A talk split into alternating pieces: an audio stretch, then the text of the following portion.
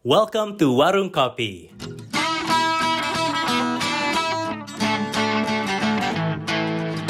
Warungnya apa nih? Warungnya anak-anak konten kali ya. Warung yang menjadi tempat diskusinya para UX writers dan copywriters dari berbagai startups di Indonesia.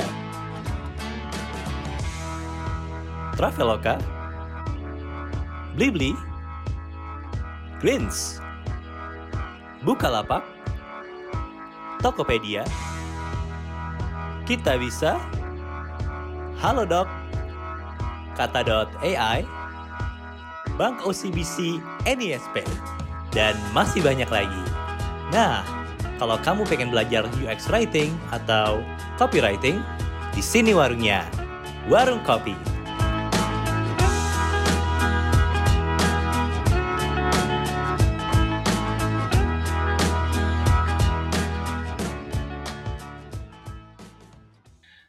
Kopi adalah warung berkumpulnya bermacam penulis di dunia tech. Tempat belajar kita untuk mendalami dunia copywriting, UX writing, conversation design, content strategy, script writing, dan lain-lainnya. Dan belakangan ini, uh, kita lagi suka bikin microblog di Instagram sebagai bentuk edukasi. Mungkin sebagian dari teman-teman udah pernah ngeliat uh, postnya. Misalnya, apa sih bedanya antara copywriting dan, dan UX writing? bedanya good copy dan bad copy seperti apa, uh, tools yang suka dipakai sama UX writer itu uh, apa aja, sampai microblog tentang uh, kosakata kosakata bahasa Inggris yang ternyata ada di KBBI. Jadi semoga selama ini kontennya bermanfaat ya. Oke, okay, Dirk, boleh dong nih ceritain ke kita-kita uh, tentang topik kita malam ini uh, kenapa sih penting buat nge buat mengenal copy research? Uh, kenapa kita mau ngobrol tentang copy research malam ini? Karena sebetulnya kalau di warung kopi itu kita sering dapat banyak pertanyaan, misalnya how to measure a success of a copy. Apakah udah bisa dipahamin user atau enggak? So pertanyaan ini biasanya gak mungkin dijawab oleh writernya sendiri karena obviously itu cukup subjektif ya. So biasanya cara yang dicoba oleh writer adalah melakukan sebuah copy research. Mulai dari prosesnya gimana copy research itu uh, terus juga do's and don'ts-nya gimana dan mungkin ada tips and tricks tertentu gak sih? Itu well itu dari topiknya. Mungkin kalau mengenai profile siapa guest kita malam ini kayaknya Erwin bisa jelasin lebih lanjut nih sambil ngundang guestnya langsung. Yep, yep. Dan menariknya lagi sebenarnya dia tuh nggak cuman uh, busy sebagai UX writer di Traveloka, tapi Himawan yang kita kenal juga aktif sharing knowledge tentang UX writing melalui media sosialnya, uh, Instagramnya, ada YouTube-nya juga. Um, iya yeah, gitu. So we really appreciate juga kan effortnya dia untuk nge-share tentang UX writing selama ini. So um, happy happy to have him juga malam ini kan. Uh, iya, benar banget sih karena memang juga nggak banyak juga kan orang yang share mengenai UX writing kayaknya saat-saat ini. Well, hopefully ke depannya bakal banyak. Dan that, that's why kayak kontennya Himawan ini sangat-sangat unik sih menurut gua. Oke, okay, George, um, thank you so much for giving us an introduction tentang topik malam ini. Uh, sekarang gue coba undang Himawan langsung onto the stage ya. Oke, okay, see you guys. Tadi tadi sih tadi in, intro singkat lah ya, uh, tapi again kayaknya kurang afdol nih kalau kita nggak dengerin langsung dari tamu spesial kita. Hai Himawan. Hai, hai Win, apa kabar? thank you, thank you, thank you Himawan udah mampir ke warung kopi. Kita bisa mulai dengan dengan uh, lo share dulu nih ke kita kita um, in who is Himawan. Oke, okay. uh, ya sebelumnya thank you banget buat uh, Edwin dan Dirk yang udah ngundang ke warung kopi. Um, ya gue uh, Himawan Pradipta, biasa teman-teman gue manggil gue Him. Uh, sekarang gue um, adalah UX writer slash content strategist di um, Traveloka dan um, belakangan gue cukup sering uh, apa ya iseng-iseng lah ya gara-gara mungkin gara-gara pandemi terus gue kayak aduh sebenarnya banyak banget nih yang mau gue apa namanya yang gue tahu gitu terus gue bingung kalau gue keep uh, itu yang tahu gue doang gitu. Jadi gue uh, semen, sembari mengisi ke kekosongan waktu, gue bikin konten juga di LinkedIn, YouTube, dan um, di Instagram juga sih. Cool, cool, cool. Tapi itu awalnya gimana ya bisa uh, tertarik explore macam-macam tipe UX copy? Selain pandemi, was there kayak trigger lainnya? Uh, oh, of course. Jadi sebetulnya semuanya itu berawal dari pengalaman kerja sih, Win. Jadi kan uh, pas awal gue kuliah, apa sorry, uh, lulus kuliah itu, uh, gue jadi engineer kan, uh, atau linguist engineer. Uh, ya basically ngerjain chatbot gitu.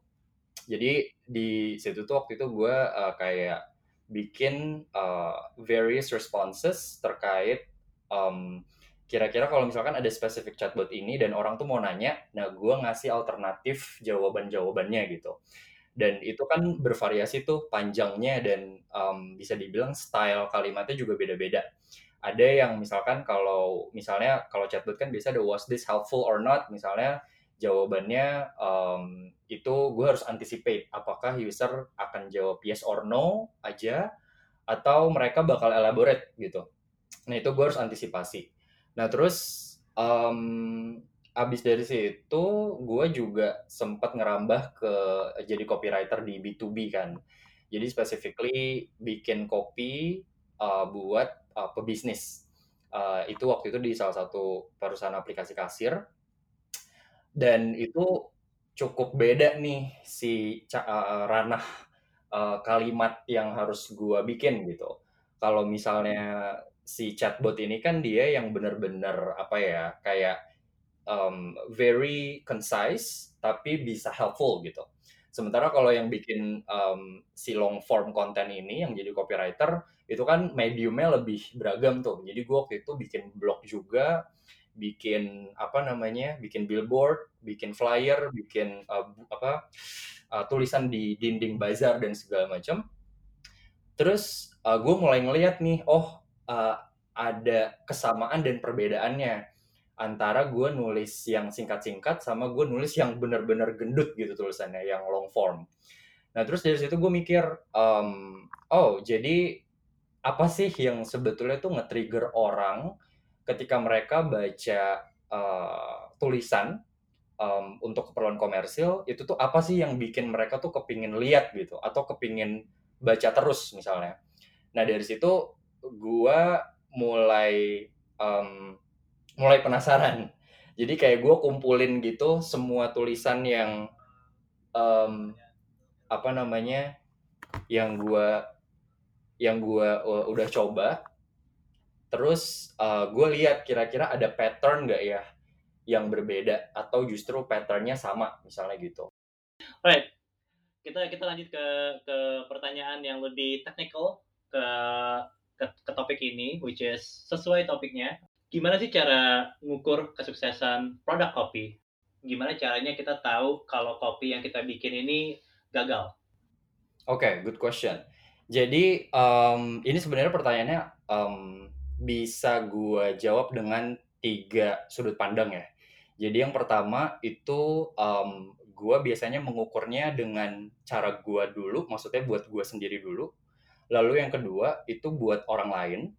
Baru yang ketiga uh, gue lihat lagi kira-kira dari segi bisnisnya itu gimana gitu. Nah jadi yang pertama uh, yang gue lakukan adalah biasanya gue pakai namanya readability score. Readability score, I see. Yes, readability score itu uh, salah satu metodenya. Metodologinya bisa pakai ada macam-macam. Biasanya gue uh, ada dua yang cukup populer Flash Kincaid namanya um, sama satu lagi um, Fro Frozen Gun kalau nggak salah jadi ada Flash Kincaid dan Frozen Gun uh, mungkin gue briefly uh, jelasin Flash Kincaid kali ya um, jadi Flash Kincaid ini itu adalah salah satu teknik yang biasanya dipakai buat ngitung rata-rata um, panjang kalimat dan panjang kata dengan suku kata. Jadi pakai syllable ngitungnya. Um, dan jadi misalkan gini misalkan lu udah nulis satu kopi gitu ya satu kalimat misalnya.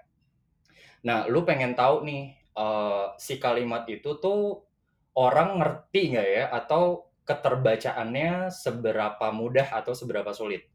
Nah, itu caranya um, per suku kata coba dihitung seberapa banyak yang kira-kira um, uh, eh sorry seberapa banyak gitu rata-rata dari uh, panjang kalimat dan panjang katanya. Nah, kalau skornya di bawah 30 itu berarti um, tingkat keterbacaannya susah. Artinya banyak banget banyak banget yang uh, value-nya banyak gitu. Si syllable-nya terlalu banyak. Nah, berbeda kalau misalkan dia jumlah syllable-nya itu uh, sedikit dalam satu kalimat atau satu kata. Nah, itu artinya kalau skornya misalnya di atas 90, itu uh, gampang dibaca buat anak kelas 5 SD. Nah, idealnya berapa? Idealnya uh, 60 sampai 70. Gitu. Jadi kalau udah dapet readability score itu, itu at least de, di guanya gua tahu dulu gitu. Apakah um, si metodologi ini cukup efektif atau gua harus lanjut ke um, riset selanjutnya yang adalah copy testing. Jadi copy testing di sini maksudnya itu buat uh, apa namanya buat uh, public gitu ya dan dan um, metodenya apa aja itu yang biasa gue lakukan ada empat. Jadi yang pertama ada comprehension survey, yang kedua A/B testing, yang ketiga yang ketiga close test, sama yang terakhir task based uh, testing gitu. Nah, um, ini kayaknya gue nggak perlu jelasin satu-satu karena sebetulnya udah cukup uh, banyak artikel di internet yang bahas ini. Um, nah lalu kalau misalkan udah nih di copy testingnya nih, um, hasilnya kan udah ketahuan nih misalnya dari salah satu uh, metodenya. Nah itu baru balikin ke bisnis goalnya apa? Kenapa sih uh, gua harus testing si kalimat ini in the first place? Nah caranya itu bisa lihat matrix. Um, contoh deh ya, contohnya yang paling gampang, misalkan gini, misalnya uh, uh, the the business goal adalah katakan ini kita bikin aplikasi baru gitu. Aplikasi baru uh, terus goalnya adalah uh, jadi uh, market leader atau uh, ya top of mind gitu. Kalau misalkan orang mau misalnya mau belanja ya berarti harus ke situ gitu. Nah, kalau misalkan tujuannya market leader, maksudnya segenerik itu, itu uh, at least bisa bikin empat uh, goal kopinya yang pertama itu harus increase total number of sign up, misalnya. Jadi gimana pas di awal ketika uh, lu bikin aplikasi nih, terus uh, kan pasti ada onboarding segala macam. Nah itu yang harus diukur metriknya pertama uh, seberapa banyak jumlah total orang yang daftar ke aplikasi lo gitu. Oke, okay? yang kedua itu gimana caranya ningkatin active users per hari. Yang ketiga, increase duration of first visit. Dan yang terakhir itu gimana biar uh, mengurangi angka drop off atau bounce gitu. Jadi kalau misalkan keempat ini itu performance-nya misalnya buruk, berarti lu harus research. Kenapa nih gitu. Tapi kalau empat ini um, ya performance-nya um, cukup sejalan dengan tujuan di awal, um, ada specific number gitu yang udah di target atau yang udah di pinpoint, berarti nggak usah dites atau nggak usah research gitu. Berarti kapan kita taunya kita harus ngelakuin research yang kualitatif dan yang kuantitatif? Oke, okay. Uh, riset kualitatif itu biasanya uh, dilakukan kalau misalkan lu kepingin tahu um, feelings atau opini dari user lu um, dengan kata lain itu uh, soft data nanti outcome-nya. Sementara kalau kuantitatif itu biasanya kepingin tahu um, hard data atau yang biasa um, apa um, ya yang berhubungan dengan kuantitas misalkan seberapa banyak sih dari uh, dari populasi risetnya yang ngisi form misalnya atau yang um, ngeklik tombol CTA tertentu misalnya. Let's say despite apa ya uh, terlepas dari metode researchnya seperti apa biasanya step by step-nya tuh gimana sih? Mulai dari caranya gimana kita nyiapin, eee, nyiap apa ya, nyiapin copy research-nya dan mungkin, eee, eksekusinya dan nanti cara evaluasinya. So, pre, during, and post-nya tuh kayak gimana sih? Hmm, oke. Um, pre oke, kalau kalau biasanya yang yang, uh, sering kejadian tuh kalau di pre, sebelum riset itu biasanya, uh, uh, uh, gua kerja sama UX researcher untuk sizing namanya. Sizing itu melihat dulu kira-kira proyeknya ini atau ranah, um, desain atau copy yang lagi mau dikerjain itu, itu benar-benar baru atau iterasi misalnya. Nah, itu nanti di uh, bisa ditentukan dari situ. Apakah kalau benar-benar baru yang uh, orang tuh sama sekali belum pernah dengar atau iterasi berarti kan sebenarnya udah ada nih, udah ada copy atau desain sebelumnya, tinggal di um, apa ya, diperbaiki gitu misalkan. Nah, itu yang harus dita diketahui dulu sizingnya seberapa besar. Terus baru dari sizing, uh, ya seperti biasa kalau testing plan kan ada defining questions, terus um, skenario uh, harus uh, tahu dulu user skenario-nya ada gimana, sama kira-kira tas-tas yang harus dikerjakan partisipan tuh apa aja. Itu sih biasanya untuk during. Lalu terakhir post ya tadi. Ya, kalau yang post itu evaluasinya ada pasti itu biasanya dilakukan dengan uh, sharing task results ke specific team um, terus bikin repository. Jadi hasil-hasil insight yang didapetin dari uh, risetnya itu dikumpulin di dalam satu dedicated uh, folder gitu misalnya. Jadi buat copywriter ke depannya dia bisa refer ke sana I see. Dan saat lu define questions-nya, itu ada UX UX researcher atau design researcher yang ikut bantuin nggak? Atau purely on your own? Ada. Jadi justru bahkan uh, si researchernya duluan Win yang nge-propose gitu. Jadi researchernya mereka propose kayak list of questions, terus mereka minta bantuan writer buat either review dari segi wordingnya atau uh, bahkan nambahin gitu. I see. Dan di eksekusinya the, ketika ketemu partisipan pun juga bareng sama UX researcher-nya? Yes, betul. Bareng. I see. Oke, okay, oke. Okay. Gimana cara berarti dari awal tuh yang yang bikin research plan-nya nih dari background, objektif, uh, list of questions itu kan uh, gue ngebayangin dalam saat dalam bentuk satu folder atau dalam bentuk satu file. Itu yang nyiapin dari researcher-nya atau dari writer-nya? Uh, ini kalau copy research kan ya berarti ya, specifically. Kalau copy research uh, dari writernya sih. Jadi oh, okay. um, copywriter yang propose, terus nanti uh, researchernya diminta kayak align apakah sesuai dengan guideline uh, apa namanya uh, UX-nya secara general atau justru malah menyimpang. I see. Nah ini buat teman-teman eh, di audience kita yang UX writer juga dan penasaran untuk mau propose copy research, biasanya isinya kalau kita breakdown jadi semacam table of content gitu, isi research proposal itu apa aja sih? Oke, okay. kalau gue biasa ada empat. Jadi yang pertama tentuin dulu objektifnya, uh, goal besarnya dari lu ngelakuin te uh, testing atau riset ini tuh buat apa. Yang kedua, expected outcome-nya apa? Apakah insight baru atau um, atau justru kayak feedback dari uh, desain sebelumnya.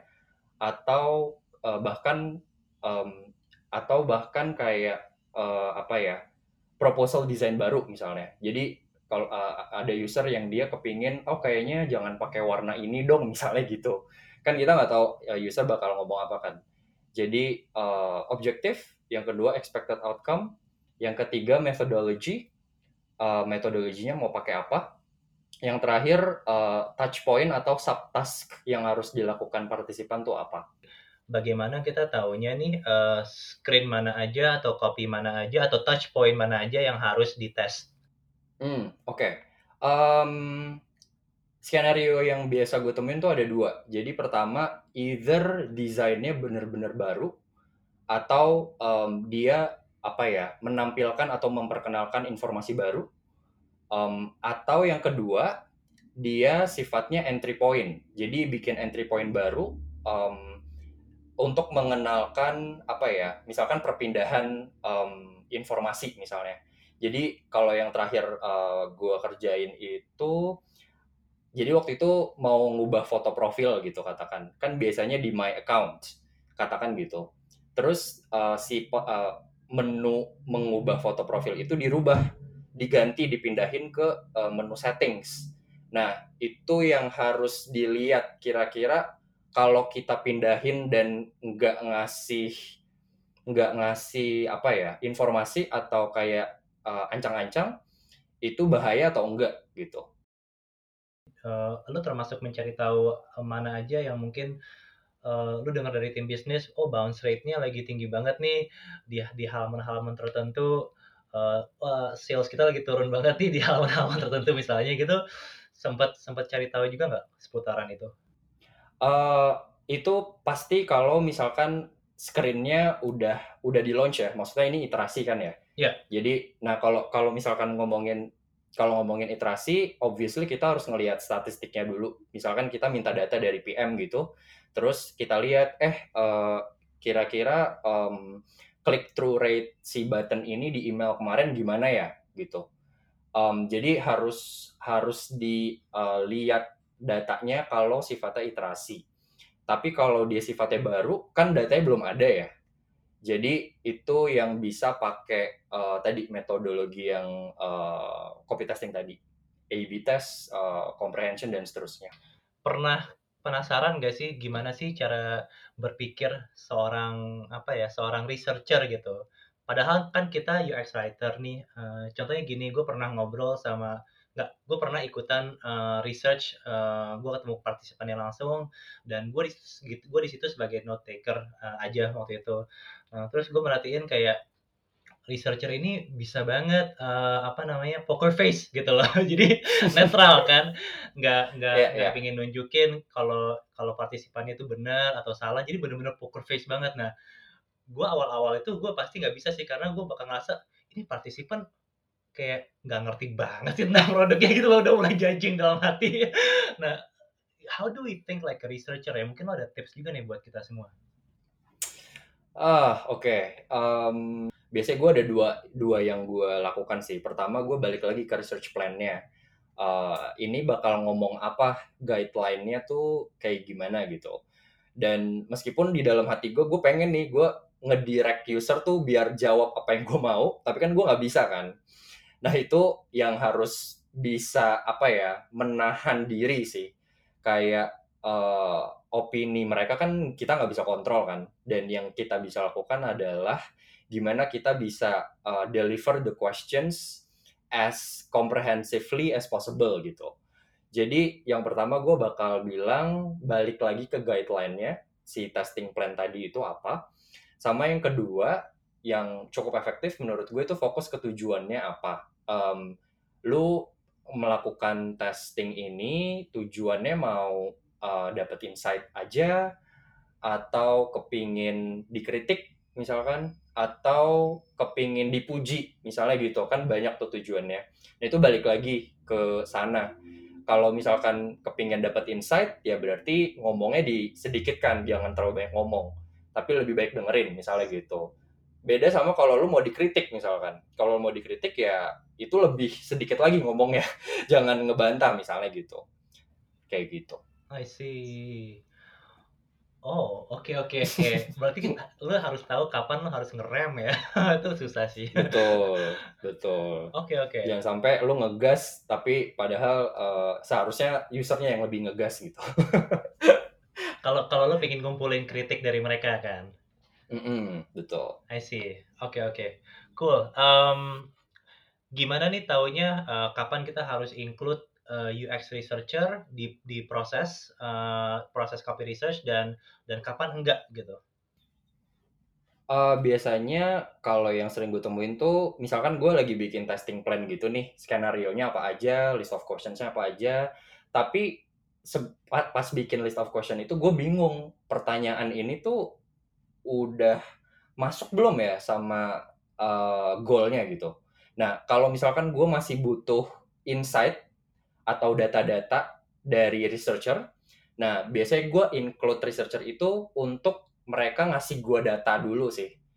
Jadi um, instead of gue ngasal gitu nulis ngedraft uh, terus nggak ada nggak um, ada basisnya, itu gue approach mereka dulu. Jadi gue sync dulu sama mereka. Eh boleh lihat nggak data-data populasi kita tuh sebenarnya gimana ya empathy mapnya hasilnya gimana, terus uh, hasil interview kemarin gimana. Baru gue bisa define the list of questions dengan lebih oke. Okay. Biasa gitu sih. Kalau gue buntu uh, ini pertanyaan gue masuk atau enggak ya gitu sih biasanya ada lagi nggak sih bedanya antara role kita sebagai writer slash researcher dan role-nya si UX researcher? Uh, mungkin kalau kalau gue kebayangnya yang paling uh, outstanding itu kalau kalau uh, dalam uh, copy research itu si writernya kan udah bikin testing plan skenario dan list of questions nih. Nah, involvement si researcher ini adalah untuk nge-sharpen lagi kira-kira uh, pertanyaannya tuh udah semengerucut itu atau belum ya? Atau kan beda tuh misalkan gue mau mau bikin aplikasi baru tapi pertanyaan gue itu mm, nggak mm, ada ngebahas itu sama sekali gitu. Nah itu kan jadinya nggak masuk ya. Uh, dan it, di situlah momen si researcher tuh ngebantu sharpen the questions uh, better I think itu aja sih kayaknya. Sisanya kalau kayak during atau post research itu semuanya mostly uh, si UX writer-nya yang uh, hands on. Oke okay, Himawan, we're getting to the end of our question. Nanti lanjut ke followers questions. Oke, cool. Um, ini sesering apa sih uh, kita melakukan research nih? I mean, it is we okay now now now we know uh, is important dan kita udah mulai tahu nih caranya gimana dengan berbagai metodologi yang lu share tadi barusan. Tapi do we really have to do it and if so kapan kita harus melakukan research dan kapan uh, it's enough already gitu. Nanti lagi deh researchnya gitu. Hmm. Oke. Um, ini um, kayak tadi kurang lebih udah ke cover di pertanyaan yang apa tuh namanya uh, kapan harus include um, a researcher researcher. Yes, jadi uh, mungkin tiga ya. Kalau gue biasanya di kasus gue tuh yang pertama, kalau ada dia desain baru, artinya yang benar-benar baru tuh uh, ada informasi yang harus dikenalkan ke user pertama kali. Nah itu kan kita nggak tahu nih um, apa ya kayak relevansinya atau um, apa namanya dia menjawab kebutuhan user atau enggak kan kita belum tahu tuh Nah itu yang biasanya gue tes. Okay. Jadi desain baru. Lalu yang kedua um, apa namanya? Kalau misalkan ada tadi entry point baru, jadi ada perpindahan informasi dalam sebuah app yang udah ada. Jadi kayak tadi misalkan biasanya tuh ganti foto profil tuh di my account, tapi sekarang pindah ke settings gitu. Nah itu kan perpindahan entry point. Nah itu harus dicek uh, orang bakalan lebih ribet atau jadi gampang. Nah, terus yang ketiga biasanya gue uh, how do I know uh, when to research? Itu kalau gue sendiri gue bingung. Jadi um, kemungkinan besar si kopinya tuh multi interpretasinya gede gitu.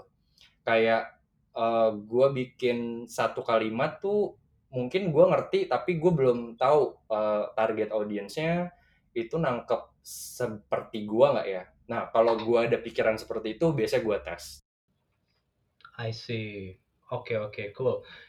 Now to the last question dari dari kita nih, uh, apa aja sih don'ts-nya ketika melakukan research? Dari yang paling besar, eh ya mungkin atau tiga tiga terbesar lah kalau ada don'ts-nya. Oke, yang pertama uh, ketika riset kita nggak boleh terlalu mengarahkan uh, jawaban user. Itu satu. Terus yang kedua uh, kita nggak boleh ngasih pertanyaan yang sifatnya manipulatif. Atau kayak misalkan uh, misalnya kayak gue gue nanya nih uh, coba bu uh, temukan tombol ini di halaman ini ya misalnya gitu. Terus dia salah nih mencet tombolnya. Dia mencetnya ke tombol lain gitu. Terus uh, gue ngar apa uh, gue manipulate gitu. Kayak uh, aduh bu emangnya uh, tombol yang kayak gini padahal jelas-jelas lo bu gede di situ misalnya gitu. Nah itu nggak boleh. Jadi biarin aja. Biarin aja salah nggak apa-apa. Berarti kan artinya posisinya uh, nggak oke okay, gitu misalnya. Lalu yang ketiga, selalu kasih pertanyaan lanjutan di akhir sesi. Jadi misalkan abis uh, testing gitu, udah semua list of questionnya dikasih, itu uh, biasanya gue selalu tanya, uh, kira-kira ada yang mau ditambahin atau yang perlu diimprove nggak ya bu dari dari uh, research ini gitu. Kalau ada apa, kalau nggak ada nggak uh, apa-apa gitu. Oke, okay, cool. Ini gue pengen share pertanyaan dari uh, Elizabeth sebenarnya kalau ngomongin validating uh, copy, um, mastiin udah dimengerti oleh user apa enggak. Ada nggak sih cara selain copy testing? We've been discussing about copy testing kan this whole time. Sebenarnya ada nggak sih selain copy testing atau copy research? Oh oke okay, oke. Okay. Uh, biasanya yang gue lakukan itu benchmarking namanya. Jadi benchmarking itu uh, melihat kira-kira ada copy sebelumnya nggak yang dipakai di uh, perusahaan itu. Jadi misalkan ada satu spesifik CMS gitu ya yang dipakai kayak uh, ya ada uh, content management uh, toolnya. Itu lihat kira-kira ada copy dengan konteks serupa nggak? Kalau misalkan uh, ada, berarti ya udah pakai itu aja karena udah launch anyway. Tapi kalau nggak ada, berarti um, harus ya propose gitu kan. Uh, benchmarking cara yang kedua itu biasanya gue ngelihat uh, brand lain jadi lihat brand lain, uh, cari konteks serupa, misalkan ada dialog box, misalkan error message gitu ya. Uh, itu lihat gimana si brand tertentu ini memperlakukan kopinya saat error message. Nah, itu bukan di copy paste ya, bukan di imitate, tapi dipertimbangkan. Kira-kira uh, kata-kata ini tuh udah masuk belum ya sama uh, tone of voice-nya brand uh, kamu gitu misalnya. Jadi uh, itu benchmarking dari at JCND, research copy itu uh, di Google atau ngecek aplikasi serupa. Mungkin yang gue tangkap ada nggak sih uh, selain Google dan itu pakai aplikasi apa kalau ada aplikasinya? Kalau Google mungkin I, I take it salah satunya selain Google Search of course mungkin Google Trends kali ya. Ada nggak ya aplikasi di luar sana yang bisa kita pakai buat conduct copy research? Oh oke, okay. uh, maksudnya toolnya ya? Mungkin mungkin toolnya ya. Mm-hmm. Oke, okay, kalau tool research um, biasanya ada namanya A/B Tasty. Jadi A slash B Tasty itu cukup komprehensif dan dia gratis, nggak berbayar. Tapi to be honest, gue sebetulnya jarang kalau misalkan uh, pakai tool yang dari Google karena sebetulnya metode testing copy itu basically dari itu nggak bahkan nggak butuh tool sama sekali sih. Um, kecuali mungkin yang uh, Google Form ya kalau yang paling sering tuh cuman kalau apa namanya tool seperti misalnya uh, apa ya um, yang specifically ditujukan untuk testingnya itu I never used any of it gitu kecuali bikin form misalnya kalau butuh um, feedback dari partisipannya being the only writer in the team uh, kapan bisa mulai copy research? Mungkin tadi sebagian udah dijawab ya, tapi mungkin ini khusus ke satu-satunya writer di tim itu gimana ya kalau pengen do copy research? Oke, okay. um, kalau misalkan satu-satunya ex writer, I don't think it's a problem sebetulnya. Kita bisa mulai research asalkan bisnis problemnya itu udah jelas. Jadi misalkan mau bikin mau build up apps baru gitu. Nah, itu kan pasti dari product manajernya mereka udah nentuin tuh objektif aplikasinya tuh buat apa, target audiensnya siapa dan seterusnya. Nah, terus mau mulai uh, bikin copy nih, uh, misalnya onboarding gitu ya, onboarding screen yang di awal banget di aplikasi itu, tapi bingung nih di onboarding tuh teksnya kayak gimana ya. Nah, itu baru uh, baru boleh mulai uh, research asalkan bisnis goalnya udah jelas. Oke, okay, cool, cool Himawan. Really, really, really appreciate your time uh, buat sharing knowledge tentang copy research. Uh, semoga, semoga uh, apa bisa diterusin terus ya sharing knowledge-nya juga lewat uh, Instagramnya Himawan langsung, lewat LinkedIn-nya. Uh, please add more content to your featured featured LinkedIn dan di YouTube juga kan ada sharing juga teman-teman please check it out uh, yang apa konten-konten yang di share sama Himawan. That'll be all Himawan. Thank you sekali lagi udah mampir ke ke warung kopi. Uh, teman-teman kita nanti dari warung kopi kalau mau nanya lebih lanjut uh, ke Himawan bisa ke mana nih enaknya? paling sopannya di mana?